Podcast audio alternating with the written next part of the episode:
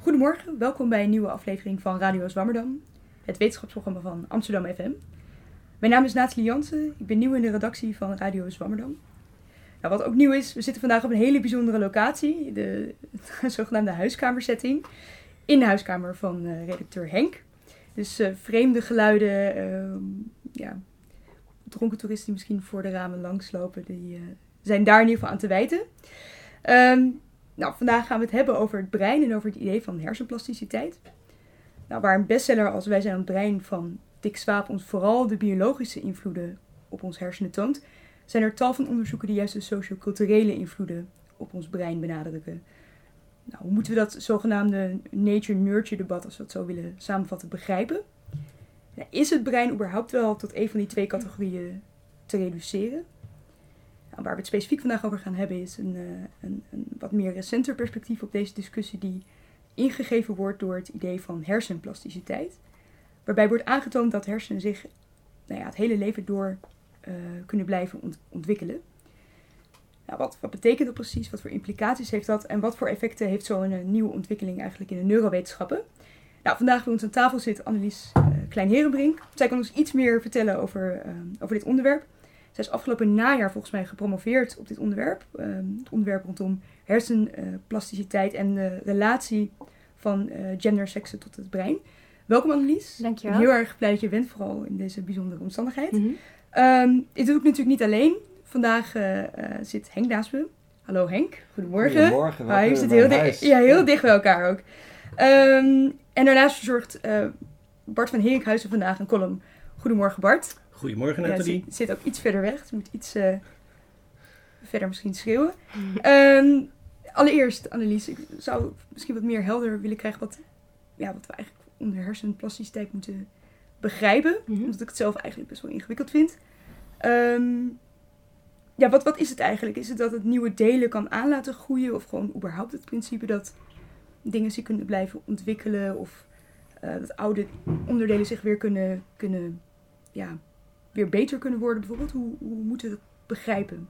Ja, dat is eigenlijk al een hele goede vraag. Um, het, het, antwoord, het, het korte antwoord is dat kan het allemaal zijn. Um, dus er is ook wat discussie uh, onder neurowetenschappers van ja, hoe moeten we dat uh, begrip nou ongeveer af gaan bakenen. Um, het gaat erom dat we het brein inderdaad ons hele leven lang in ontwikkeling lijkt te blijven. Aanvankelijk werd gedacht, nou, die hersenstructuur, als we eenmaal volwassen zijn, dan, dan ligt het gewoon vast en daar moet je het mee doen. En uh, het kan kapot, dan heb je pech en je kunt wel nieuwe dingen leren. Um, dus bepaalde verbindingen kunnen wel uh, versterkt worden, uh, nieuwe herinneringen kunnen worden aangemaakt. Um, maar ja, zo'n beetje tegen het einde van de vorige eeuw werd toch al heel erg duidelijk, um, aanvankelijk met verschillende experimenten met dieren, later ook bij mensen, dat zowel functioneel als structureel de hersenen heel erg aan verandering onderhevig blijven onder invloed van onze ervaringen. Um, dus er zijn onderzoeken die aantonen um, als iemand een uh, hersenbeschadiging heeft gehad, dat dat zich inderdaad kan herstellen. Gebeurt lang niet altijd en lang niet in alle omstandigheden, maar er zijn wel zeker uh, gevallen bekend. Um, doordat die verbindingen zich herstellen of omdat ja, routes zeg maar, omgelegd worden. Uh, en op die manier in andere hersengebieden toch weer die functies terug kunnen komen. Um, maar er zijn ook heel veel leuke onderzoeken die laten zien dat als wij uh, langdurig iets oefenen, dat dan die hersengebieden die daar uh, mee te maken hebben, dat die um, ja, groter worden of uh, meer verbindingen of sterkere verbindingen krijgen. Is bijvoorbeeld aangetoond um, een bekende reeks studies bij Londense taxichauffeurs. Die moeten uh, om hun brevet te halen, moeten ze uh, jarenlang studeren. Moeten ze zo'n beetje alle straten, alle landmarks, alle routes van Londen uit hun hoofd leren. Nou, die zijn gevolgd. En dan blijkt dat het hersengebied wat te maken heeft met je spatieel geheugen en navigatie en oriënteren. Dat dat bij die taxichauffeurs groter werd. En het kan ook niet verklaard worden doordat het al groter was en dat ze daardoor taxichauffeur zijn geworden. Die zijn langdurig gevolgd en hoe langer zij erop studeerden, hoe groter die hersengebieden werden. Um, nou, er zijn allerlei onderzoeken, ook met mensen die leerden jong leren. Na drie maanden zag je dat hersengebied wat met hand-oogcoördinatie te maken heeft, dat het, dat het was toegenomen. Um, en een paar maanden nadat ze waren gestaakt met die training, was het ook weer weg. Dus wordt ook vaak gezegd, use it or lose it. Ah, die veranderingen okay. die, die kunnen permanent zijn, maar dat hoeft niet per se zo te zijn. Ehm, maar dan is er vaak nog wel discussie over waarom zijn die hersengebieden dan uh, groter? Zijn er extra neuronen? Zijn Ja. de- is de witte of de grijze materie juist toegenomen? Het kan allemaal. Eh, en niet elke hersenscantechniek, nou verder weet ik daar ook het fijne niet van, maar niet Ja. elke hersenscantechniek kan even goed zien waar het dan precies aan Ja. ligt. Wat er dan precies is veranderd, maar dat er van alles verandert, zoveel is duidelijk. Ja, Nou, je eh, zei net dat het plastische brein dat een heel nieuw soort kijk op leren is. Mhm. Maar natuurlijk, jong geleerd, oud is heel oud gezegd. En mensen leren altijd al. En Ja. iedereen gaat ervan uit dat leren bestaat. Wat is het grote verschil tussen het nieuwe leren met het plastische brein en het oude leren van gewoon rijtjes stampen en dan iets weten? Ja, dat is een hele goede vraag. Ehm, voor een deel is leren nog hetzelfde gebleven. Ehm, waar het grootste verschil in zit, is, ehm, ik denk als je vooral kijkt in, in hoe in de populaire cultuur eh, plasticiteit wordt begrepen. Het haalt weer een beetje de mythe terug dat eh, wij 10% van ons brein gebruiken. Die mythe is al zeker een, eh, een eeuw oud, geloof ik. Ehm, dat zie je ook wel in, in bepaalde films. Er is een film van iemand neemt een pil en dan wordt die overige 90% ontsloten en wordt een soort van Superman. Eh, nou ja, dat is, dat is totale nonsens. Maar in zekere zin haalt het idee van hersenplasticiteit die mythe wel weer terug. Ehm, want ook al gebruiken wij 100% van ons brein, het brein wordt nu vaak voorgesteld als een soort van spier. Ook al gebruik je hem helemaal, je kunt hem trainen, je kunt hem kweken en dan kan hij steeds groter worden. Ehm, en die, die potentie om een steeds groter en beter brein te hebben, die wordt vaak als onbegrensd, eh, in principe onbegrensd voorgesteld. Dus het is waar je eerder misschien zou kunnen zeggen van nou dit is het brein dat je hebt eh, en daar moet je het mee doen. En binnen die grenzen kan je natuurlijk wel dingen leren en je ontwikkelen. Ehm, haalt het idee van hersenplasticiteit in onze verbeelding die, die grenzen eraf. Het wordt grenzeloos. Iedereen kan alles, is de Ja. suggestie. En is dat ook het idee van, natuurlijk vroeger was het het idee van je hebt geboren met een bepaald IQ, die staat vast. Ja. En nu is het natuurlijk heel erg het idee dat je IQ ook kan trainen. En dat is ook laatst, volgens mij afgelopen vrijdag, vorige week vrijdag, een programma van een Belgische man die een programma maakte in Nederland. En die ging dan in een soort ziekenhuis, ging zijn IQ proberen een paar punten omhoog te krijgen. Is dat, is dat ook het idee dat je niet bijvoorbeeld je IQ kan trainen, dat die groter wordt? Of is Ja, dat- dat soort dingen hang- komen wel heel erg samen, of komen wel heel erg voort uit dat plasticiteitsidee, denk ik. Ja, dat is echt het maakbare brein. ja heel erg het maakbare brein. Ja. train your brain. Ja, enorm. Nou, er is natuurlijk ook heel veel kritiek geweest op die industrie. Mhm. Ehm, heel veel beloftes die worden helemaal niet waargemaakt. Bijvoorbeeld als je heel veel sudoku's maakt, dan word je heel goed in sudoku's maken. Maar dat, dat, Ja. dat lijkt zich eigenlijk helemaal niet ehm, bij veruit de meeste trainingen die, die ehm, zijn taakspecifiek. Dus je wordt veel beter in die taak, maar het is niet zo dat je door heel veel sudoku's te maken ook ehm, over het algemeen een veel scherper brein Mhm. krijgt of veel betere Ja. cognitie of eh, dat soort zaken. Eh, die beloftes zijn op dit moment in ieder geval vaak nog niet waar te maken. Ehm, en wat mijn, ja, wat ook een groot bezwaar is tegen dat idee van je brein is wat je ermee doet en je kunt het helemaal zelf maken, maar daar kunnen we straks misschien ook nog even Mhm. op terugkomen. Ehm, enerzijds geeft het de suggestie dat we volledig zeggenschap hebben over ons brein, volledig meesterschap, dat we ook al genoeg weten, maar ook dat als we maar genoeg weten, dat we dan volledig ons brein in de hand zouden Ja, hebben. Terwijl ons brein doet van alles waar we helemaal geen, waar we niet bewust van zijn, waar we helemaal geen controle over hebben. En ten tweede ook dat iedereen maar alle, alle tijd en geld en mogelijkheden en resources zou hebben om jezelf constant te optimaliseren. Terwijl het een enorme luxe is om de hele dag maar sudoku's te kunnen doen en avocado's te kunnen eten en naar yoga te gaan. En al die dingen die worden aangeraden om je brein op peil te houden en om maar geen Alzheimer's te krijgen, et cetera. Ehm, dus dat dat hele erg geïndividualiseerde, waarbij je dan ook, nou we zijn al daarmee bekend in een bredere eh, discussie rondom het neoliberale subject. Ja. Die, die wordt aangespoord om zichzelf constant in de gaten te houden en te monitoren en te managen en te optimaliseren. En die daar dan ook persoonlijk verantwoordelijk wordt voor zijn eigen slagen of falen en zijn eigen succes en zijn eigen gezondheid. Dat, dat, dat resoneert heel erg in het populaire plasticiteitsverhaal. Er zitten wel degelijk ook gevaren aan het hele idee dat mensen nu mensen ook kunnen gaan aanspreken van ja, het is jou, als jij nu niet goed presteert in het leven, ja, je had je brein kunnen trainen, je hebt het zelf verkeerd gedaan. Ja, precies. Ja, waarbij we dus geen oog ervoor hebben dat het helemaal niet zo makkelijk is om, je, om jezelf vorm te geven. Eh, deels omdat het lichaam gewoon heel eigenwijs kan zijn. En deels omdat je, je keuzes en je kansen ook heel erg worden vormgegeven en beperkt en gefaciliteerd door de omgeving waarin je zit. Oké dan. Ehm, voor mij, toen ik voor het eerste onderzoek heb gelezen, toevallig al een paar jaar geleden, ehm, vond ik het ontzettend interessant omdat er zo ontzettend veel potentie in zit. Het is eigenlijk ondenkbaar hoeveel soorten effecten, het is bijna ondenkbaar hoeveel, hoeveel daarin zit.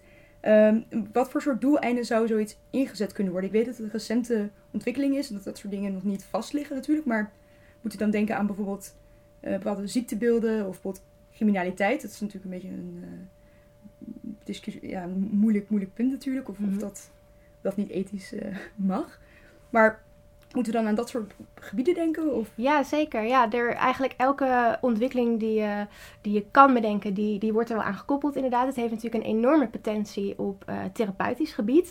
Ehm, eh, er is inderdaad ook een, een onderzoek, ik ben zijn naam even kwijt, die zegt... eh, we gaan er altijd vanuit dat psychopaten een tekort aan empathie hebben. Maar als die hersenen Ja. plastisch zijn, dan kunnen we dat ook in ze gaan, gaan Ja. kweken, gaan trainen. Nou, dat is, dat is nog heel speculatief. Ja, Ehm, en we zijn natuurlijk allemaal bekend met die enorme brain training industrie. ja. Ehm, alles wat je wil worden, of je nu dun, of rijk, of eh, creatief, of gelukkig, of een goede minnaar, of een goed zakenman. Overal is er wel een boekje voor van nou, als je je brein maar op de juiste manier traint, hè, dan eh, kun je dat worden en, en kun je dat ontwikkelen. Ehm, en ook met gezond zijn. Er is natuurlijk Ja. enorm veel eh, berichten om ons heen van ehm, eh, maak sudoku's, dan krijg je geen Alzheimer's, even kort Ja. door de bocht. Ja, dus als ik het goed begrijp, waar je nu, wat je nu eigenlijk aanstipt, is dat er Mhm. dus twee ehm, misschien wel uiteindes van elkaar te ontwaren zijn. Zowel dat er het idee is dat hersenen zich helemaal niet ontwikkelen, als soort monolith, en anderzijds die hersenplasticiteit juist totale tegenovergestelde eh, laat zien. Van, dat we juist heel makkelijk ook met training of zo, Ja. daar die, die wegen in, in de hersenen, als ik het zo moet begrijpen, kunnen, kunnen aanmaken. Of kunnen, Ja, en, en dat is goed schiks en kwaad schiks. Ja. Want aan de ene kant wordt er eh, heel erg eh, ingespeeld op de mogelijkheden en de potentie Ja. die het biedt, die hersenplasticiteit. Ehm, maar er wordt ook wel gewaarschuwd van je hersenen reageren dus op wat je doet. Dus ze zijn heel kwetsbaar voor invloeden van buitenaf. Ehm, dat was natuurlijk met een statisch brein ook al zo. Van het kan kapot. Als je te veel drinkt, dan Ja. gaan die hersencellen die kunnen achteruit. Ehm, nu is daar dan een nieuwe dimensie bij gekomen van nou, misschien kan je dat ook alweer omkeren of kan je daarvan eh, herstellen. Ehm, maar als je bijvoorbeeld kijkt hoe we eh, over jonge kinderen praten, eh, het idee van nou, zeker in de beginjaren is die plasticiteit heel sterk, wordt dan gezegd. Die eerste drie jaar worden vaak cruciaal genoemd, waarin ehm, de potentie voor de rest van je leven eigenlijk Ja. al heel erg wordt gestuurd. een groot leervermogen. Kinderen hebben een groot Ja. leervermogen om Ja. die verbindingen En, aan te en maken. dat, daarbij wordt dan tegelijkertijd een enorme verantwoordelijkheid bij ouders en de directe omgeving neergelegd van dit is make or break. Ehm, dus daar wordt juist die plasticiteit van de rest van het leven eigenlijk weer een beetje ehm gedownplayed, zeg maar.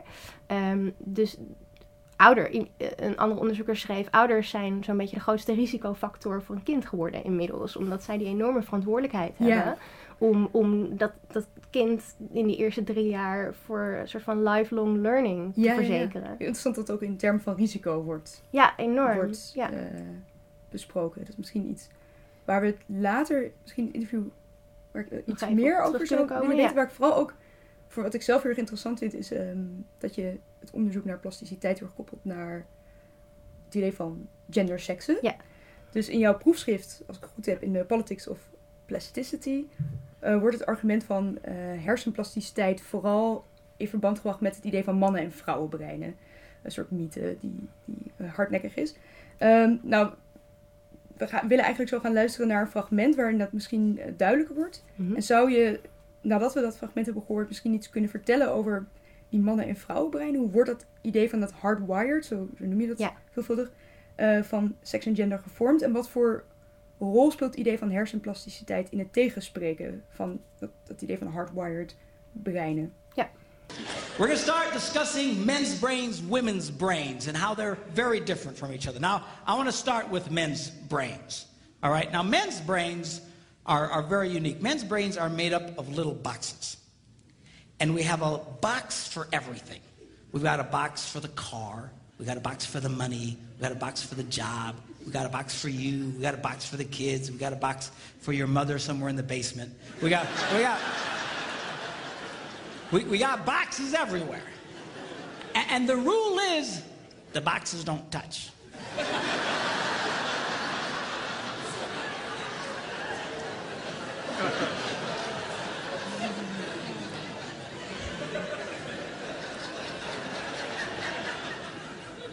When a man discusses a particular subject, we go to that particular box, we pull that box out, we open the box, we discuss only what is in that box. All right?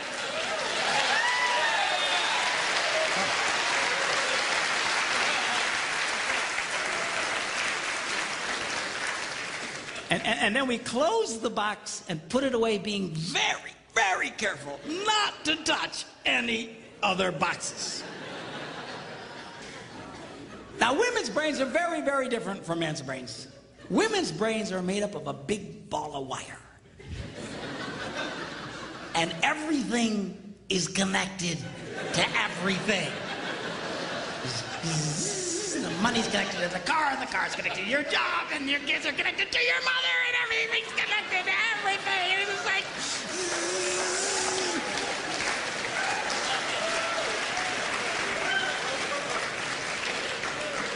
It's like the internet superhighway. Okay? And, and it's all driven by energy that we call emotion. It's just. It's, it's, it's one of the reasons why women tend to remember everything. because if you take an event and you connect it to an emotion, it burns in your memory and you can remember it forever. The same thing happens for men. It just doesn't happen very often because, quite frankly, we don't care. Ja, dit is dus een, eh, een fragment van ehm, een eh, voorstelling. Of een, ja, het is eigenlijk een eh huwelijks counseling weekend van Mark Gungor. Dat is een Amerikaanse ehm ja, huwelijk counselor. Hij is ook pastoor en hij is, zoals je hebt gemerkt, ook komiek. En dit is het openingsweekend waarin hij eh, aan de stellen die daar op retraite zijn om hun huwelijk te verbeteren, uit te leggen ehm, wat de verschillen tussen mannenhersenen en vrouwenhersenen zijn. En aan de hand daarvan kunnen zij dan hun eigen rolpatronen begrijpen. Dus het is een beetje de klassieke eh, men are from Mars, women Ja. are from ja, Venus ja. retoriek. Ehm, en wat, wat de luisteraar eh, niet kan zien, maar wat wij in het filmpje zien, is hij heeft op het podium heeft hij twee pilaren die eh, nou zeker eh, een meter of zes uit elkaar staan. En op de ene staat dan een mannenhoofd met eh, hersenen ontbloot en op de andere een vrouwenhoofd. Dus dat, dat, dat laat ook heel erg die, die twee hokjes als het ware zien. Ehm, nou, dit, dit eh, zal op sommige mensen misschien overkomen als eh, enorme stereotype en cliché. Maar in 2014 schreef een eh, neurobioloog de- over deze komiek van nou, ehm, ze lachen er wel om, maar het is wel waar. En dat laat een recente studie maar weer zien. En dat is een studie die ik ook ehm, in mijn eh, proefschrift eh, heel Ja. goed heb bekeken. Ehm, omdat die heel erg exemplarisch is voor de manier waarop eh seksenverschillen in de hersenen worden onderzocht en hoe dat ook naar buiten wordt gebracht. Dit is een grote studie uit 2013 over seksenverschillen in het connectoom. Dus in de manier waarop ehm, verschillende hersengebieden met elkaar verbonden zijn. En die studie had heel veel, ruim 950 mensen aan meegedaan, wat uitzonderlijk is. Eh, daardoor maakte die studie ook heel veel, had heel veel impact, heel veel indruk. Ehm, en die studie vond inderdaad dat gemiddeld genomen ehm, bij de vrouwen de verbindingen tussen de twee hersenhelften wat sterker waren en bij de mannen de verbindingen binnen elke hersenhelft. Ja, dus Dat die leek- bevestigen dat fragment. Ja, precies. Het Ja. wordt dan gelinkt aan, aan verschillende cognitiestijlen, ehm, zoals die hier nu door Gung worden uitgelegd. Maar er is ook heel veel kritiek op die studie gekomen, ehm, om verschillende redenen. En ik zal er twee even heel kort toelichten. De ene Ja, gaat over de manier waarop die verschillen in beeld werden gebracht. En bij de andere komen we dan op dat concept van plasticiteit. Ehm, want wat die studie deed is, ehm, zij keken dus naar verschillende verbindingen en keken dan goed, als we mannen en vrouwen vergelijken, is die dan gemiddeld bij de ene groep wat sterker of niet? En dat vonden zij inderdaad. En zij maakten daar, ehm, zij visualiseerden dat in twee afbeeldingen. Het ene, eh, een plaatje van een brein waarin alle verbindingen waren aangegeven die voor vrouwen dan gemiddeld iets sterker waren.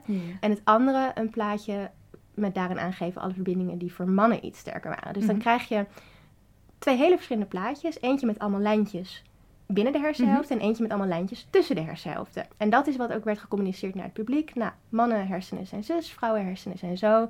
En eh, zo ziet dat eruit. Ja. Dus dat werd ook heel erg overgenomen. Eh, online pers buitelde over elkaar heen. Het is echt waar, mannen en vrouwen zijn echt verschillend en dat verklaart alles. Ehm, en die plaatjes werden gelabeld. Kijk, dit is het gemiddelde mannenbrein, gemiddelde vrouwenbrein. Of dit is uh, het typische mannenbrein of typische vrouwenbrein. En hier zie je hoe verschillend die zijn. Maar dit is eigenlijk heel erg misleidend, die afbeeldingen.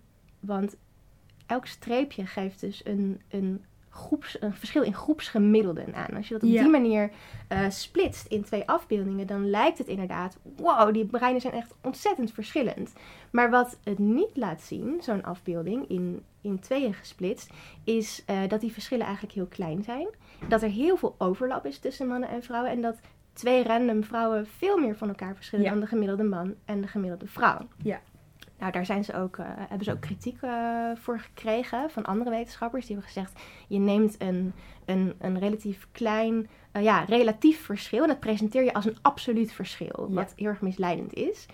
En de reactie van de, de auteurs van die studie um, was letterlijk... Don't shoot the messenger. Dat was ook de titel van hun, hun reactie erop. Ze zeiden, nou, wij presenteren simpelweg de feiten zoals het is... Um, dit is een legitieme manier om dat te laten zien. En als dat verkeerd wordt begrepen door mensen die niet genoeg onderlegd zijn om te begrijpen waarom we dat op deze manier presenteren, is dat niet onze verantwoordelijkheid. Ah, dus ja. daar, daar zit een hele discussie aan vast. Um, ik zelf vind, daar ben je wel degelijk verantwoordelijk voor als wetenschapper. Um, data is nooit neutraal. Mhm. je, je, maakt altijd een keuze van wat, wat laat je zien en wat laat je niet zien. En als je ervoor kiest om inderdaad uh, verschillen waarbij heel veel overlap is, op, op zo'n gesplitste manier in beeld framing, te brengen. Echt een ja, specifiek soort framing. Precies. En wat je niet laat zien is hoe die, de diversiteit binnen mannen en vrouwen, ja. dat er heel veel uh, eigenlijk meer overlap is dan verschil. Dat is een bewuste keuze en dat, dat kan je doen, maar je moet het er wel bij zeggen. Je moet, ja. wel, je, je, moet daar expliciet over ja. zijn. Ja, want dat is ook wat um, vaak terugkomt in je proefschrift. Mhm. Daar wil ik eigenlijk een beetje naartoe gaan van... Wat is er nou eigenlijk precies mis met dat vertoog rondom deze specifiek soort uh, neurologische theorieën en Mhm. gender. Dus je hebt het ook vaak over neuroseksisme. Hè, hoe, Ja. Wat bedoel je daar precies mee? Heeft dat hiermee te maken of is dat... Jazeker. Ja, neuroseksisme dat is een term uh, van Cordelia Fine. Die heeft hier ook een, een aantal hele mooie boeken over geschreven. Deels ook in het Nederlands vertaald. Laatst nog een nieuwe Testosterone Rex is nog van haar Hmm. uitgekomen. Raad ik iedereen aan die erin geïnteresseerd Kijk, is. Ja, ehm, en ehm, zij heeft in haar onderzoek laten zien dat ehm, eh, de literatuur naar seksenverschillen, die seksenverschillen in de hersenen beschrijft, dat daar een aantal biases in zit. Of dat die bevooroordeelt dus Ja. op een aantal manieren. En eh, een deel daarvan is dat er inderdaad heel erg wordt eh, gefocust op groepsverschillen. En dat die vaak ook zonder verdere context worden gepresenteerd. Dus mannen zijn zus, vrouwen zijn zo. Ehm, waarbij er geen aandacht is voor eh, verdere diversiteit. Dus daardoor lijken die verschillen veel groter dan dat ze daadwerkelijk zijn. Ehm, en dat er ook vaak wordt verondersteld dat die verschillen aangeboren zijn. En Ja. Dat gebeurde dus ook in die studie waar ik het net over had. Ja. Ehm, het bijzondere was niet alleen dat zij eh, heel veel proefpersonen hadden, maar ook een hele grote leeftijdsrange. Volgens mij liep dat van 8 tot 22. En ze hebben ook gekeken, nou, wat gebeurt er bij de jonge mensen, wat gebeurt er bij de wat oudere mensen. En bij die hele jonge mensen waren die verschil, verschillen vrij miniem. En die werden groter naarmate de proefpersonen ouder werden. En de auteurs concludeerden, aha, dit is dus een, uh, een voorgeprogrammeerd ontwikkelingstraject. Um, mannenhersenen zijn uh, geprogrammeerd of ontworpen om Ja, zich ja. op deze manier te ontwikkelen. En vrouwenhersenen zijn geprogrammeerd of ontworpen, evolutionair gezien, om zich de andere kant Ja. op te ontwikkelen. Dus een totaal ehm, gedetermineerd plaatje van hoe zo'n hersen... Of vrouwen of mannen hersenen zich zouden moeten ontwikkelen. Ja. En zou je dan zeggen van... ehm, dat de vragen rondom gender verkeerd gesteld worden? Hoe, hoe zou jij dat dan kunnen herformuleren? Is, is zoiets dan alleen contextafhankelijk? Of hoe moet dat in dat... Misschien ook in dat nature-nurture debat, wat Ja. natuurlijk een beetje... ehm, ja, totaal ver van elkaar afstaat. Hoe, moeten we dat dan begrijpen, die positie? Ja. Eh, nou ja, je hebt natuurlijk je hebt deze theorie aan de ene kant. En je zou kunnen zeggen feministische theorieën aan de andere kant. Die Ja, heel erg precies. benadrukken van nou, eh, verschillen tussen mannen en vrouwen. Die zijn niet natuurlijk, die zijn cultureel bepaald. Exact. En er is een, ook een enorme berg aan, aan eh, onderzoek, zowel kwantitatief als kwalitatief, wat laat zien. Inderdaad, uh, de omgeving is heel erg vormend voor hoe wij opgroeien. Hè. We kennen allemaal de discussie die elk jaar rond Sinterklaas weer rondom het speelgoed omhoog komt. Van ja, die Barbies en die autootjes, is dat nou omdat kinderen dat zelf willen? Is dat van Ja. nature? Of worden ze daardoor juist zo jongensachtig en zo meisjesachtig doordat ze constant daaraan blootgesteld worden? En opgroeien in een wereld waarin genderverschillen gewoon heel erg aanwezig zijn en relevant zijn. Kinderen pikken dat op. Ehm, en het, het opvallende is, zo populair als dat idee van plasticiteit is en het idee van je ervaringen bepalen wie jij bent en doordat ze bepalen hoe jouw brein is. Als het over man-vrouw verschillen gaan, ehm, wordt er vrijwel geen onderzoek naar gedaan. Dus er is wel heel veel onderzoek, wat gedragsmatig onderzoek. Dat laat zien, eh, jongens en meisjes gedragen zich verschillend omdat ze verschillend worden behandeld. Maar Ja. er, is, er is vrijwel geen hersenonderzoek daarnaar. Dus als je bijvoorbeeld kijkt, een van de mm, eh, vaak meest benoemde eh, cognitieve verschillen tussen mannen en vrouwen, is dat mannen zouden beter zijn in ehm, eh, vormen van spatiële cognitie. Bijvoorbeeld als je zo'n IQ-testje doet, dan zie je een soort van... ehm, Die blokjes. ja, zo. van die- zo'n figuur dat uit blokjes ruimtelijk bestaat. idee, eh, Ruimtelijk inzicht. Ja, Ja. dan wordt er gevraagd van, nou, welk, hier zie je vier blokjes. Welke is deze figuur van de achterkant gezien? Dus dan moet je dat in je hoofd zo draaien. En mannen zijn daar gemiddeld stukje beter in dan vrouwen. Gemiddeld. Ja, Ja. gemiddeld, precies. Er zijn ook wel heel veel vrouwen die daar goed in zijn, heel veel mannen die er heel slecht in zijn, precies. Ehm, dat wordt meestal gelinkt aan eh, zo'n natuurlijk verschil. Dat is voorgeprogrammeerd door testosteron dat, dat, dat zijn die hersenen zich eenmaal ontwikkelen. Ja, omdat vroeger mannen op de prairie eh, Ja. zich moesten oriënteren bij het jagen, et cetera. Duizenden jaren Ja. geleden. Ja. Maar aan de andere kant is er ook een enorme berg onderzoek die laat zien, eh spatiële cognitie kan je leren. Ehm, als je bijvoorbeeld videogames speelt, word je daar een stuk beter in. Nou, wie spelen er veel videogames? Nou, volgens mij zijn meisjes aan een ontzettende inhaalslag bezig daar. En wordt er eh, sommige games meer gespeeld door Ja. meisjes dan door jongens. Maar dat is lang eh, toch eh, jongensgebied geweest. Ehm, en gedragsstudies laten zien, als jij een groep kinderen of een groep volwassenen neemt, ehm, zul je waarschijnlijk vinden dat de jongens of de mannen daar wat beter in zijn. Maar laat je ze een paar weken videospelletjes spelen, dan is dat verschil verdwenen. Dus dat zijn, is toch weer de- de- dat- ja, die plasticiteit die dus misschien die, die verbindingen weer kan maken. Ja, Of, alleen daar is dus nog niet naar gekeken, nog niet eh, heel erg naar gekeken. Eén of twee studies zijn er en die suggereren dat inderdaad, maar dat is nog natuurlijk nog niet genoeg om conclusies op te trekken. Ehm, maar het lijkt inderdaad op dat ja, als het gedragsmatige verschil verdwijnt, dat dan eventuele verschillen in de hersenen ook veranderen. en kun je toevallig iets zeggen? Ja, dat is natuurlijk altijd speculatie over Mhm. motieven van, eh, eh, van onderzoek. Maar je zegt, oké, er, er, er, er wordt heel veel onderzoek gedaan naar vrouwen en mannen. Maar op een of andere manier, als het gaat om hersenonderzoek, dan wordt het dus die koppeling op een of andere manier niet gemaakt of op een andere manier gemaakt. Is dat waar je argument ook naartoe gaat van dat neuroseksisme in je proefschrift? Of is dat het framing, dat dat er ook aan bijdraagt? Of? Ehm, ja, ik denk dat dat wel een, een, een vorm is van neuroseksisme. En dat is ook, dat, eh, Cordelia. Fine, die oorspronkelijk die term heeft eh, bedacht, die schaart het daar ook onder. Ehm, want als we er al maar van uitgaan eh, dat man-vrouw verschillen een soort van natuurlijke, universele, tijdsloze eh, waarheid zijn, dat wordt dan ook vaak gebruikt als argument waarom. ehm, nou, dat, dat wordt al snel politiek. Het wordt vaak gebruikt als argument waarom het oké is dat er eh, niet zoveel vrouwen aan de top zijn. Of niet zoveel vrouwen in, in ehm, eh, wetenschappelijke eh, wiskundevelden werken.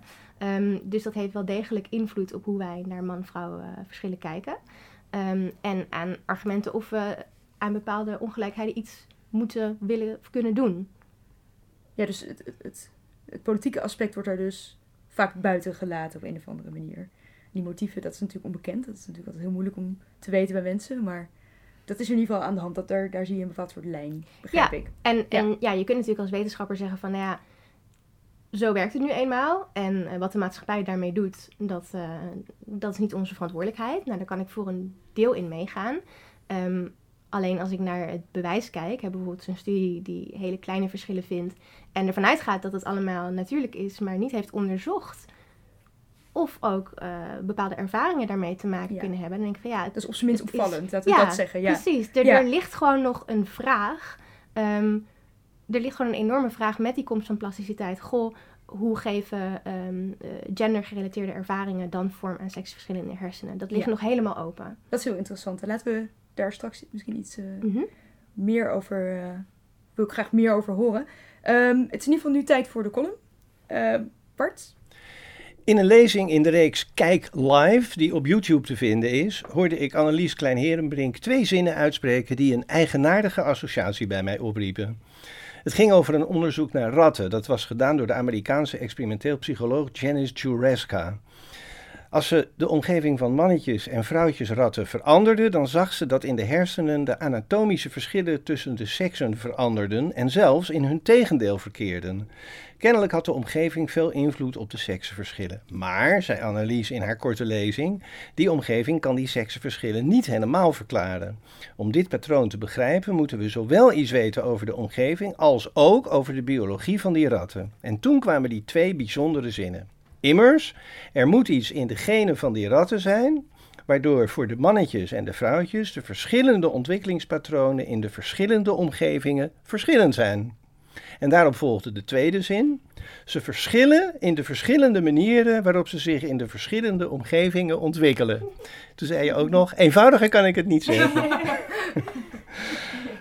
Als gepensioneerde socioloog die 40 jaar lang in collegezalen en werkgroepen heeft betoogd dat de oppositie tussen nature en nurture een misleidende tegenstelling is, vond ik dit een intrigerende formulering. Het klinkt inderdaad heel ingewikkeld, maar het is heel verhelderend. Als ik het goed begrijp, zie je bij die mannetjesratten en vrouwtjesratten een grote neuroplasticiteit. En als je die oppervlakkig interpreteert, dan zou je kunnen zeggen dat hun hersenen onder bepaalde omstandigheden als het ware een beetje naar elkaar toe groeien of zelfs misschien elkaars route kruisen. Wat natuurlijk koren op de molen is voor een bepaald soort feminisme. Maar denk je er zorgvuldiger over na, dan zie je dat precies dezelfde verandering in de omgeving tot een andere verandering leidt in de vrouwtjesrattenhersenen dan in de mannetjesrattenhersenen. Het seksenverschil dat je net zo mooi dacht te zijn kwijtgeraakt dankzij die fantastische neuroplasticiteit, komt nu dus door de achterdeur toch weer binnen. Maar er is wel een grote vooruitgang. Nu focus je niet op seksenverschillen die zomaar kunnen wegslijten, maar op een diepere laag van verschil. En nu iets geks. Toen ik daar zo over zat te piekeren, moest ik voortdurend denken aan Donald Trump. Eerst begreep ik mijn eigen associatie niet. Wat had die Trump hier nou in vredesnaam mee te maken? Was ik misschien een beetje dol aan het draaien dankzij een overdosis Trump in de kranten en op CNN? Welk stroompje in mijn plastische brein verbond Annelies Klein-Herenbrink met Donald Trump? Tijdens de verkiezingscampagne in de Verenigde Staten zeiden veel commentatoren: deze zelfingenomen, ijdele, lichtgeraakte, conspiratieve, bigger-than-life vastgoedmagnaat en televisiester kan nooit president van Amerika worden. Daar is hij veel te wild en veel te ongedisciplineerd voor. Maar de adviseurs van Trump lieten het publiek weten: Maak je geen zorgen. Donald Trump is een hyperintelligente zakenman die heeft geleerd om zich aan te passen aan veranderende omstandigheden. Zodra de verkiezingscampagne voorbij is, verandert hij voor je ogen in een onmiskenbare Amerikaanse president. Daar zul je nog verbaasd over staan. Zelf zei Trump hierover. The campaign is evolving and transitioning, and so am I. I'll be more effective and more disciplined. I will be so presidential, you will be so bored. Voormalig presidentskandidaat en neurochirurg, neurochirurg Ben Carson, trouwe aanhanger en bondgenoot van Trump inmiddels, zei dat Trump achter de schermen een heel andere man was dan de schreeuwlelijk van de campagnetoespraken. Hij was bedachtzamer, intellectueler, vriendelijker ook, eigenlijk een heel charmante man.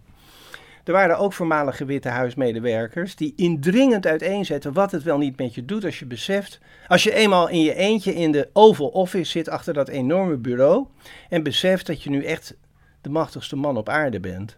De loden last die dan op je schouders neerdaalt, maakt werkelijk een ander mens van je.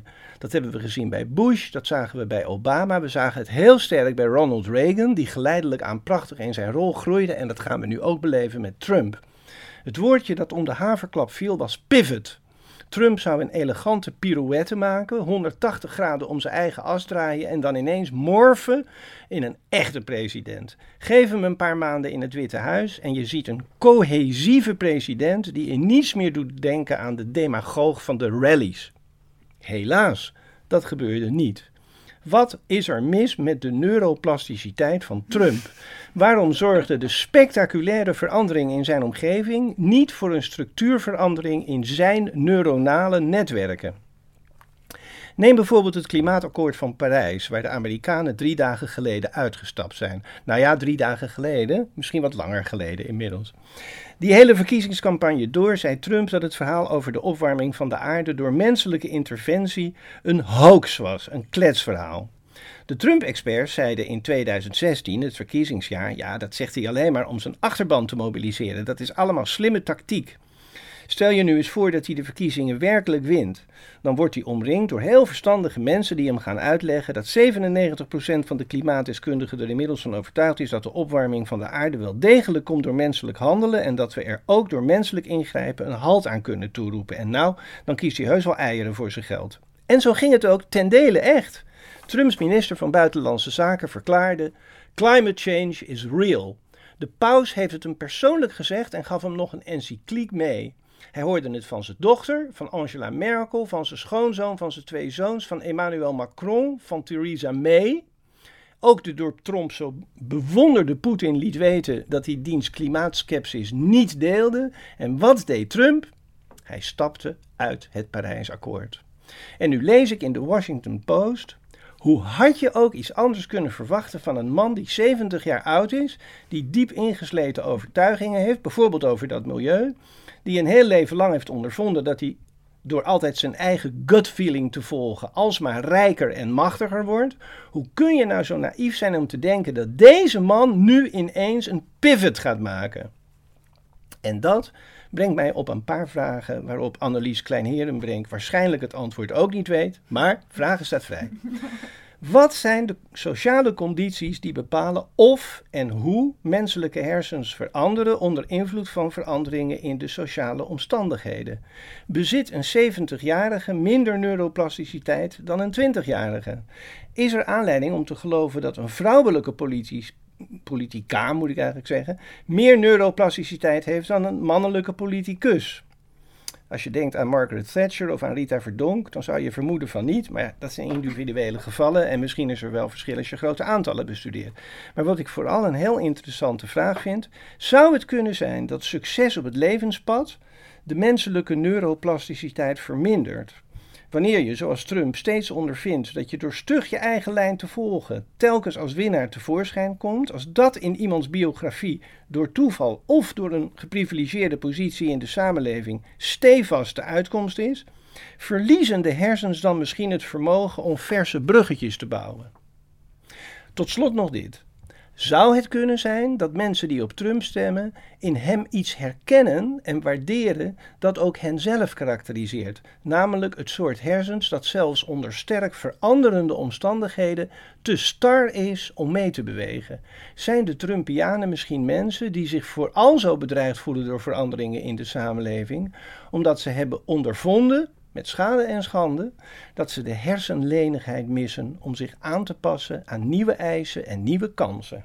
Wauw, ehm, heel veel vragen.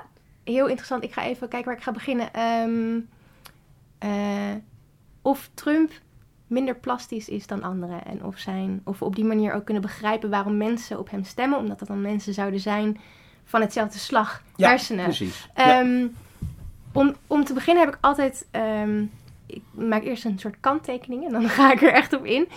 Um, ik denk dat we uh, de neiging om alles in, in neurobiologische termen te verklaren uh, niet altijd even behulpzaam is. Mm -hmm. um, en waar ik laatst aan moet denken, dat linkt ook wel een beetje aan Trump, maar het is even een zijpaadje. Um, er was op de Amerikaanse tv, je hebt Dr. Oz. Dat is, was de tv-dokter van Oprah. En Dr. Amen, dat is een, een soort gelijke uh, figuur. Die, die doet heel veel met hersenonderzoek. Mm-hmm. En die had een item op tv. Uh, Your brain on fake news. Jouw brein uh, niet aan de drugs of aan de alcohol, maar aan, aan het fake news. En daar hadden ze mensen, zowel conservatieve als liberale of democratische mensen...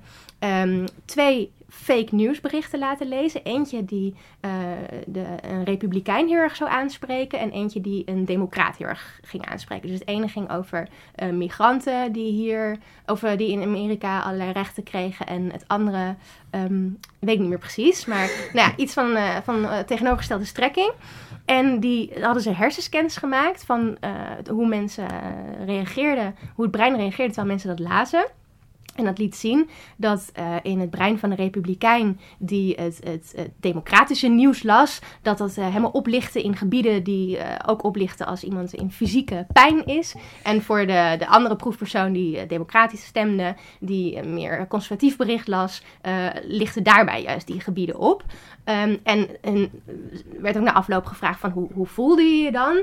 En ze voelde zich daar heel verdrietig en, en boos bij. Ehm, dus was de conclusie: fake news hackt je brein.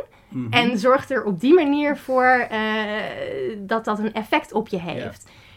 Terwijl als je, nou dat is hartstikke spannend en mensen vonden het super interessant, maar als je die hele, dat hele hersen eh, eruit haalt en zegt republikeinen winden zich op over nieuws wat gaat over migranten die eh, in Amerika van alles mogen en democraten winden zich op over mensen die het klimaat ontkennen. Ja, dan heb je eigenlijk een, een net Ja. zo goede. Dat, dat, van die hersenscans voegt bijna voegt eigenlijk helemaal niks toe. Alleen wat, wat vuurwerk en, en wat, wat Mooie smoke and mirrors, mooie Ja. plaatjes inderdaad. Daar zijn ook hele mooie studies naar, naar de impact van. eh, wat voor indruk maakt een bericht op mensen als je er hersenplaatjes bij zet. Het, het schijnt inderdaad dat mensen Oh, het ja. dan leuk. eh, er meer op vertrouwen en het beter verwerken en zo. Ehm, dus nou, dat even als, als kanttekening. Maar dat gezegd hebben, ik vind het wel. ehm, er is wel degelijk ehm, eh, wat te doen over. eh, of we zomaar klakkeloos kunnen aannemen dat iedereen even plastisch is. Het is inderdaad zo eh, dat plasticiteit, dat idee is, ehm, het is levenslang. Maar naarmate je ouder wordt, neemt het inderdaad wel af. Ehm, plasticiteit gaat ook niet alleen maar om veranderlijkheid en, en constante fluiditeit. Maar ook juist ontwikkeling kan ook in een soort van, een soort van groef, groef uitslijten. Mhm. Ehm, waar het heel moeilijk is om, om weer uit te komen. Dus eh, iets wat ingesleten is, ook al blijft dat constant in ontwikkeling. Die ontwikkeling kan wel steeds dezelfde kant eh, door blijven stomen, inderdaad. Er is een, een, een psycholoog, Belsky, die heeft een hele interessante theorie dat ehm, het ene kind plastischer ter wereld komt dan het andere. Ehm, en het ene kind, het, plastische kind, dus ook kwetsbaarder zou zijn voor invloeden van buitenaf. Zowel goedschiks als kwaadschiks. Ehm, en dat zou een evolutionair voordeel hebben, vooral binnen één eh, gezin. Stel, er zijn twee kinderen met dezelfde ouders.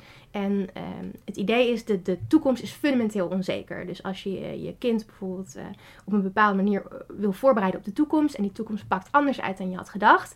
zal dat kind het niet zo goed doen.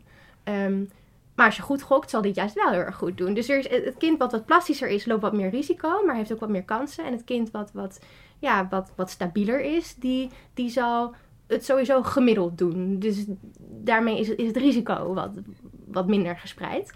Ehm, voor zover ik weet is dat niet vaak op gender losgelaten. Er is wel een, een theorie dat mannen eh, sowieso wat variabeler zijn dan vrouwen. Dus dat bijvoorbeeld mannen wat vaker een briljant wiskundige zijn, maar ook vaker eh, ontwikkelingsstoornissen hebben, omdat ze zowel aan, de- aan beide kanten van het spectrum wat meer variabel zijn. Ehm, dat is niet in alle culturen gereproduceerd. Dus ook daar is bij de vraag: oké, moeten we dat dan als iets natuurlijks zien of, of is dat alleen in bepaalde contexten zo? Leuk, dankjewel. Je had, je had heel veel vragen. Volgens mij heb ik ze niet allemaal beantwoord. Ja, nee, maar... Ik wil, ik wil heel graag ook inderdaad op dat punt ingaan. We hebben natuurlijk wel heel even al gehad over nature-nurture debat. Ja. Maar wat ik vooral heel erg interessant vond in je proefschrift is ook het idee dat, ehm, dat als er dan eigenlijk die, die genderverschillen universeel worden gemaakt, Mhm. dat ze dan ehm, heel erg dicht liggen bij dat biologisch determinisme. En aan de andere kant heb je weer die oppositie van die culturele invloeden, Mhm. een soort cultureel determinisme zoals je dat soms noemt. Ja. Sommige stukken. Ehm, Ja, En de uitdaging is juist, hoe doorbreek je dat? ja, want hoe, hoe hoe ziet die positie er dan uit? Als je iets daartussenin Ja, ja het, is heel, het is heel makkelijk om ehm, biologisch determinisme te confronteren met sociaal determinisme. Ja. Dus het argument alles is aangeboren wordt vaak geconfronteerd met het argument nee, alles is aangeleerd. Exact. Ehm, en dat argument eh, tegen eh, theorieën zoals van Dick Swaap van nou, alles is aangeboren bij mannen en vrouwen. ehm, als daar eh, door feministische neurowetenschappers het idee van plasticiteit tegenin wordt gebracht, wordt er vaak gezegd: oh kijk, jullie willen weer terug naar het idee van tabula rasa. Kinderen zijn een onbeschreven blad en we kunnen van elk kind alles maken. Je kunt van een jongetje een meisje maken, van een meisje een jongetjes maken. Alles wat je wil, alles is door opvoeding bepaald. Ehm, dat is niet handig. En dat, is, dat, dat werkt ook zo dat we weten. Dat is ook geen houdbare positie. Die positie is even onhoudbaar als biologisch determinisme, vind ik zelf. Ja. Ehm, dus de vraag is, wat dan? Hoe kun je daar dan eh, tussenin gaan staan? Dus de, de uitdaging is om zowel ehm, de context en, en de, de, de ontwikkelingsomgeving serieus te nemen, als ook biologische factoren. Want genen bestaan natuurlijk en, en ze doen dingen en ze zijn belangrijk. En hormonen bestaan en ze doen dingen en ze zijn belangrijk. Alleen wat ze doen wordt bepaald in een context. Dus het is de kunst om zowel naar biologische als sociale factoren in een bepaalde context te kijken. Ehm, en dat is het probleem. Dat in wetenschap wordt vaak gezegd: ja, het nature-nurture debat is voorbij. Dat hebben we wel gezien. We weten dat genen en de omgeving, dat daar een interactie is. Maar vervolgens wordt dat toch nog heel erg gesplitst. En kijkt de ene helft van de wetenschappers naar de biologische factoren en de andere helft naar de sociale factoren. En eh, vrijwel, ja, wat heel weinig gebeurt, is echt een integratie van die twee. Het is natuurlijk ook veel ingewikkelder, het is duurder, eh, het is theoretisch gezien uitdagender. Ja. Dus ik snap ook wel dat het heel weinig gebeurt. Ja. Maar het zou wel meer moeten. Ja. En Want- dat, dat linkt ook wel een beetje aan eh, jouw vraag van net. Ehm, ehm, jij, Vraag van Bart. ja, sorry, de vraag van Bart. Ja. Ehm, jij, jij zei net eh, of invloeden van buitenaf voor iedereen hetzelfde zijn. Mhm. Eh, of iets dergelijks. Hè? Ik denk inderdaad dat, zo in zo'n geval van Trump, dat ook eh, hoeveel je gaat veranderen, dat het ook te maken heeft met je persoonlijke motivatie, met allerlei psychologische factoren. Mhm. Dus, dus gum ook zeker niet het, het individu met zijn eigen ehm, wil en interesses en betekenisgeving vlak dat niet uit. Eh, individu is meer dan een optelsom van biologische invloeden en invloeden van buitenaf. Daar doe je zelf ook aan mee. Van heel jongs af aan zijn kinderen al bezig met hun eigen omgeving vormgeven eh, en hun plaats daarin bepalen. Ehm, Nou ja, we leven in een meritocratische samenleving, hè, Mhm. waarin wordt gezegd dat je alles kan bereiken wat je zelf wil. ja, En als dat de dominante cultuur is, dan is die, dat, dat idee van eindeloze plasticiteit, dat past er natuurlijk dan perfect bij. Dus dan zullen mensen daar ook meer op anticiperen dan Ja. bij wijze van spreken in een kastenachtige ja, samenleving. ik ik zeg wel eens, het is de American Dream in je hersenpan. Dat, Juist, dat idee precies, van eh ja. neuroplasticiteit. Maar zoals we ook eh, weten, i- we beginnen niet allemaal op een, op een, op een vlak speelveld. Ja. De, de ene heeft meer toegang tot boeken, tot, tot videospelletjes eh, dan de ander. Maar wat daarnaast, wat ik ook interessant vind, ik ben nu met collega's bezig ehm, aan het schrijven aan een artikel over die, die spatiële cognitie en die mentale rotatie. Van goh, als je daar eh, die hersenplasticiteit bij wil betrekken en die gegenderde ervaringen, de invloed daarvan op de hersenen wil onderzoeken, ehm, hoe kan je dan het beste aanpakken? En een van de dingen waar we over na aan het denken zijn, is het, het spelen van een videospelletje. Als jij en ik een videospelletje spelen, dan kun je zeggen dat is een gedeelde ervaring. Maar waarschijnlijk heeft het niet dezelfde invloed op ons. En dat ligt er aan allerlei factoren. Dat ligt aan eh, hoeveel videospelletjes heb je vroeger gespeeld. Ehm, nou, jij bent een man, ik ben een vrouw. Stel dat je een videogame speelt waarin je een karakter bent. Is dat een man of een vrouw? Eh, Mensen identificeren zich daar op verschillende manieren mee. Ehm, maar ook dingen als hormonale status. Hoe, hoe, hoe competitief word jij van dat spelletje? Hoe graag wil je winnen? Dat kan invloed hebben op je hormonen. Dat kan weer invloed hebben op je leerproces. Ehm, dus dat soort sociale ervaringen. De ene ervaring is de andere niet. En ook gedeelde ervaringen kunnen voor verschillende mensen verschillende impact hebben. Dus hoe ga je in je onderzoek dat, hoe ga je dat in kaart brengen? Hoe ga je dat in beeld brengen? En ik denk dat dat veel informatiever is dan alleen kijken, jongetjes spe- spelen meer games, dus zij zijn er beter in. Dat kan je veel uitgebreider bekijken. Hersenplasticiteit is eigenlijk een stuk complexer dan je meteen zou zeggen. Maar toch is het zo dat het klinkt alsof heel veel mensen dit ook meteen gaan aannemen als zijnde van oké, ik kan dus alles worden. Mhm. En wat je dus zelf, de American Dream in je hersenen eigenlijk. Ja. Maar dat zijn, er zitten dus ook wel bepaalde gevaren aan vast. Als mensen, als dit een gemeen goed wordt als idee, dan zou je bijvoorbeeld kunnen denken dat mensen zeggen, oké, nou, eh, nu is soort, we accepteren nu eh, homo's in Nederland ook veel mensen die zeggen, ja, je bent zo geboren, dus daar kan je Mhm. niks aan doen. Zou er nu ook bijvoorbeeld hele extremistische gekke mensen kunnen zijn die gaan zeggen, ja, maar het is dus niet zo. Kijk maar naar de hersenplasticiteit. Er, er is inderdaad iemand, ehm ehm Neil Whitehead in, ehm, volgens mij is hij Nieuw-Zeelands of Australisch, maar hij is ge- gelieerd aan de club in Amerika, de NARTH, die ehm zogenaamde conversietherapie aanbiedt en promoot. Dus therapie voor homo's om hetero te worden. En die heeft inderdaad een boek en een aantal artikelen geschreven en ook eh, in de rechtbank daarmee ehm, ehm, getuigd tegen de invoering van het homohuwelijk in Nieuw-Zeeland. Die zegt, ja, als de hersenen plastisch zijn en je kunt alles trainen, dan kan je homo's inderdaad ook trainen om hetero te worden. Net zoals je na een aantal uren de viool kan bespelen, kan je ook eh, nou, eh, andere dingen leren bespelen. Ehm, ik, eh, ik vond dat nogal stuitend. Ehm, ten eerste omdat heel duidelijk is geworden in die Noord-Amerikaanse context dat therapieën om seksualiteit te veranderen eh, niet werken. Ehm, maar het was voor mij ook wel een les om ehm, ook wat vaker so what te zeggen. Van, oh ja, ook al zou het kunnen. hij, hij neemt niet alleen aan dat het kan, maar hij introduceert ook de norm van als het kan, zou je dat ook moeten doen. Ja, Ehm, dus je en- komt dat politieke, politieke ethische aspect natuurlijk Ja, ook weer om de hoek. Precies. om de En, en dat kan met zowel ehm, eh, sociale argumenten als met biologische argumenten. Want we hebben nu inderdaad zien we dat eh, een deel van de, de gay emancipatiebeweging zich beroept op het idee van we zijn born this way. Eh, dus we, het is geen keuze, we kunnen niet veranderen, dus we moeten ook niet veranderen. Ehm, maar ja, het kan net zo makkelijk verschuiven naar eh, het is een aangeboren ziekte. Het is een pathologie. Dus, dus wat je ervan vindt, dat staat los van hoe je nadenkt over oorzaken. Maar dat gezegd hebbende, ik denk, er zijn genoeg mensen nu die zeggen die hun seksualiteit of hun genderidentiteit of andere aspecten van, van zichzelf als meer fluïde ervaren. Ehm, maar ik hoor er eigenlijk nooit zo sterk in dat het ook eh, een soort van eigen keuze is. Meer iets van wat gewoon gebeurt. En een, een onderzoeker vergelijkt het heel mooi met leeftijd. We worden allemaal ouder, we veranderen allemaal, maar je, je kunt dat niet afdwingen.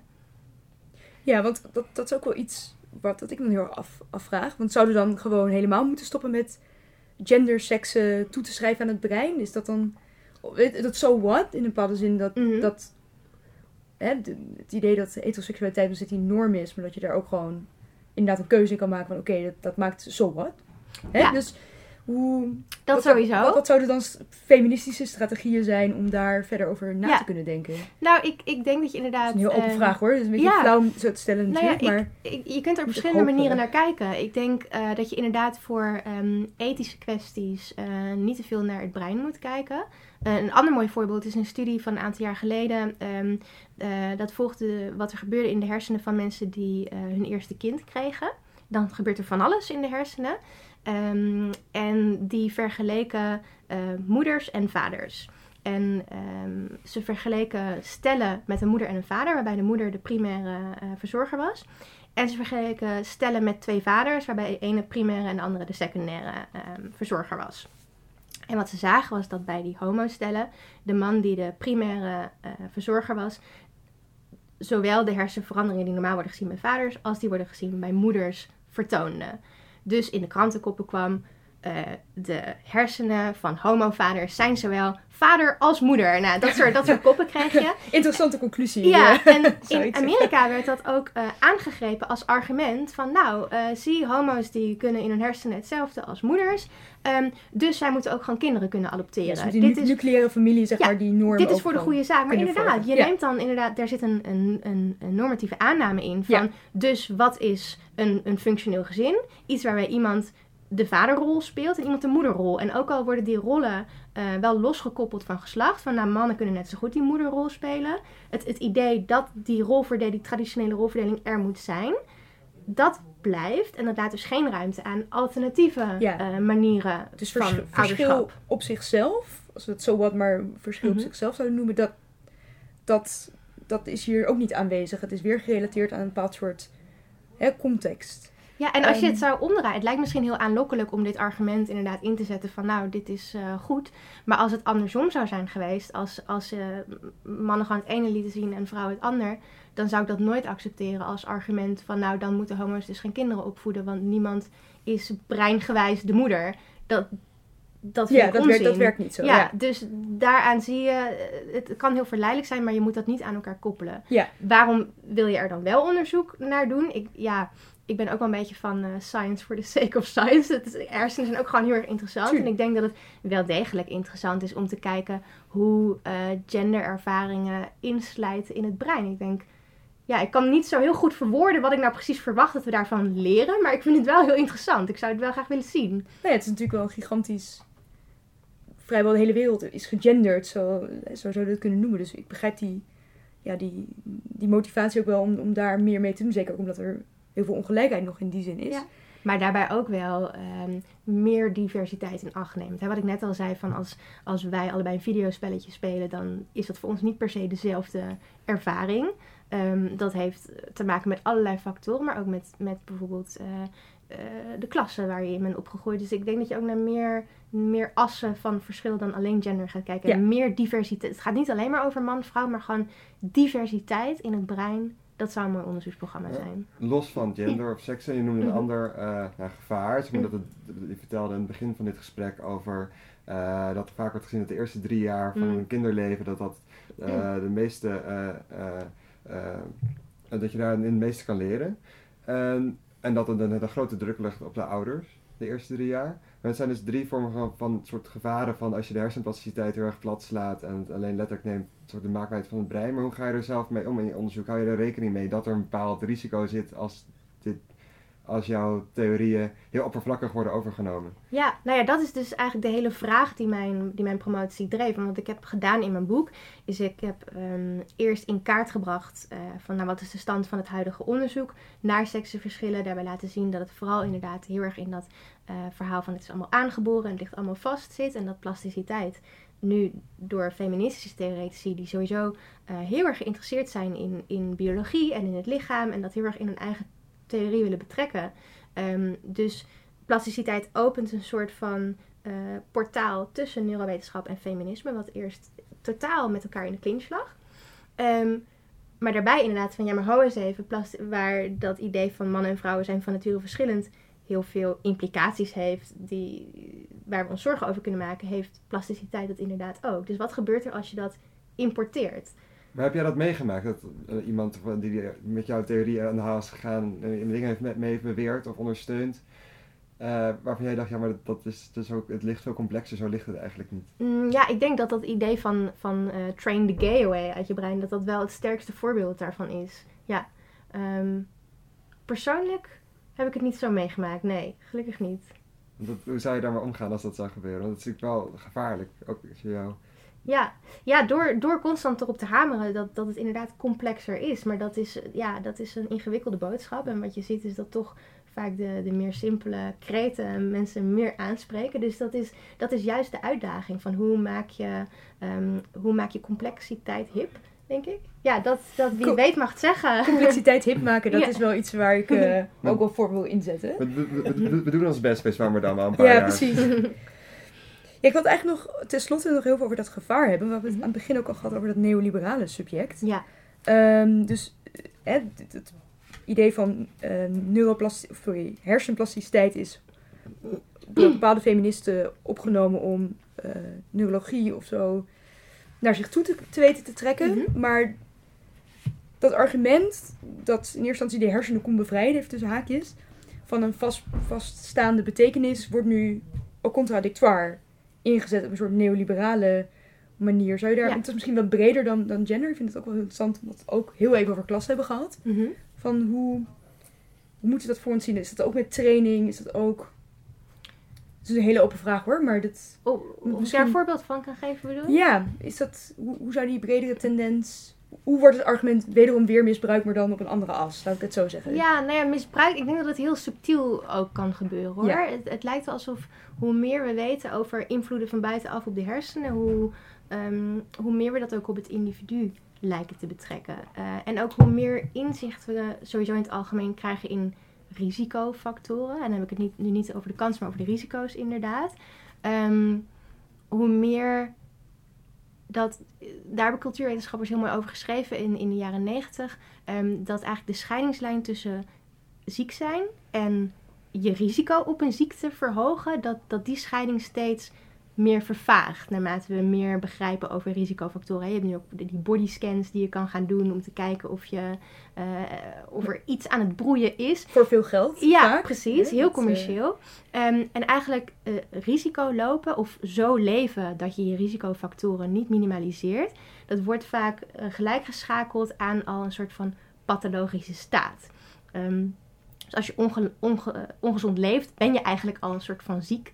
En dat creëert dan ook weer een morele, individuele verplichting om ja. daar iets aan ja, te doen. want je kunt er zelf gewoon niets aan doen. Als je maar gewoon jezelf, ja, uh, precies. je disciplinespier, ja, nou, ik heb me, ik heb me spreken zou... Uh... Vorige week nog heel erg opgewonden over, over twee weken terug was er een, uh, kwam er een groot onderzoek naar buiten over het risico op Alzheimer's. Met het nieuws, een derde van het risico op Alzheimer's kan worden... Um, uh, kan verdwijnen als mensen gezonder gaan leven.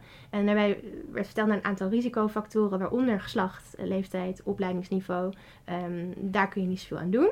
Maar voor 30% kan je er wel iets aan doen, namelijk door op deze, uh, deze risicofactoren je levensstijl aan te passen. En het waren dingen als meer bewegen, niet roken, niet drinken. Maar er stonden ook dingen bij als depressie. Ja. En dan denk ik, hoe, hoe is depressie een, een levensstijlkeuze? Dat, dat is cru, dat is cru om dat zo te stellen. Ja, zo, precies. En dit onderzoek is heel belangrijk. Alzheimer's is natuurlijk vreselijk en het is alleen maar goed als we er meer over ontdekken, over hoe we dat kunnen voorkomen. Um, dat is enorm positief en dat juich ik enorm toe. Maar de, de impliciete boodschap van het is jouw eigen verantwoordelijkheid om niet depressief te zijn, zodat je geen Alzheimer's krijgt, zit daar ook dat in. Dat en, gaat gewoon te ver Ja, dan. dat gaat ver. Dat vind ik zorgelijk. Ja. ja. Nou, dat... dat... is eigenlijk bijna meer een manier van formuleren in dat onderzoek dan. Dat is eigenlijk een soort communicatiewetenschapper in dienst zouden moeten nemen bij, bij dat onderzoek, zodat ze het anders hadden opgeschreven. Dan hadden ze misschien een hokje opgeschoven naar dingen waar je niks aan kan doen, maar wel invloed heeft. Een depressie, ja, bijvoorbeeld. precies. Dus dat is eigenlijk alleen maar een soort ctrl-c, ctrl-v binnen dat onderzoek had het... Dat zou al een stuk helpen, ja. denk ik, ja. ja. De tijd is al bijna op. Um, even een open vraag. Want je bent natuurlijk... Uh, dit proefschrift is van afgelopen najaar. Waar ben je ja. op dit moment mee bezig? Um, op dit moment ben ik vooral heel veel les aan het geven. Oh, wat leuk. Ja, um, onder andere een vak over uh, psychopathologie en gender. Waarbij ik dit soort kritische perspectieven ook um, bespreek met psychologiestudenten. Waar ik zelf ook heb gestudeerd. Dus dat vind ik heel leuk. En ik ben aan het schrijven aan een onderzoeksvoorstel wat uh, dieper ingaat op de rol van autoriteit en expertise. we zien dat de, de sociale wetenschappen heel veel interesse hebben in de biologie. Dat biologie heel erg op het terrein komt van de sociale wetenschap, maar ook andersom. Dat biologie, biologische wetenschappen, levenswetenschappen ook steeds meer open gaan staan voor inzichten vanuit de geesteswetenschappen, sociale wetenschappen, et cetera. Dus heel veel vraag naar uh, en, en nadruk op multidisciplinair en interdisciplinair onderzoek. En wat ik interessant vind is uh, bijvoorbeeld als neurowetenschappers en, en geesteswetenschappers samen gaan werken wat voor nieuwe kennis komt daar daadwerkelijk uit voort? Of, of is het, zijn het oude ideeën met een hip labeltje? Of, of overpowered zo'n neurowetenschapper totaal de geesteswetenschappen? En, en, en is het een soort van invasie? En onder, onder welke omstandigheden krijg je wat? En ook vervolgens, hoe wordt die kennis dan gecommuniceerd naar een breder publiek?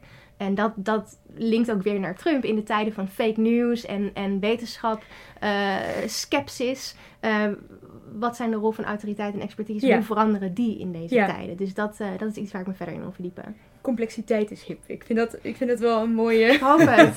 een mooie, een mooi moraal einde. van deze Ja, uitzending. een moraal van deze uitzending. Complexiteit is hip.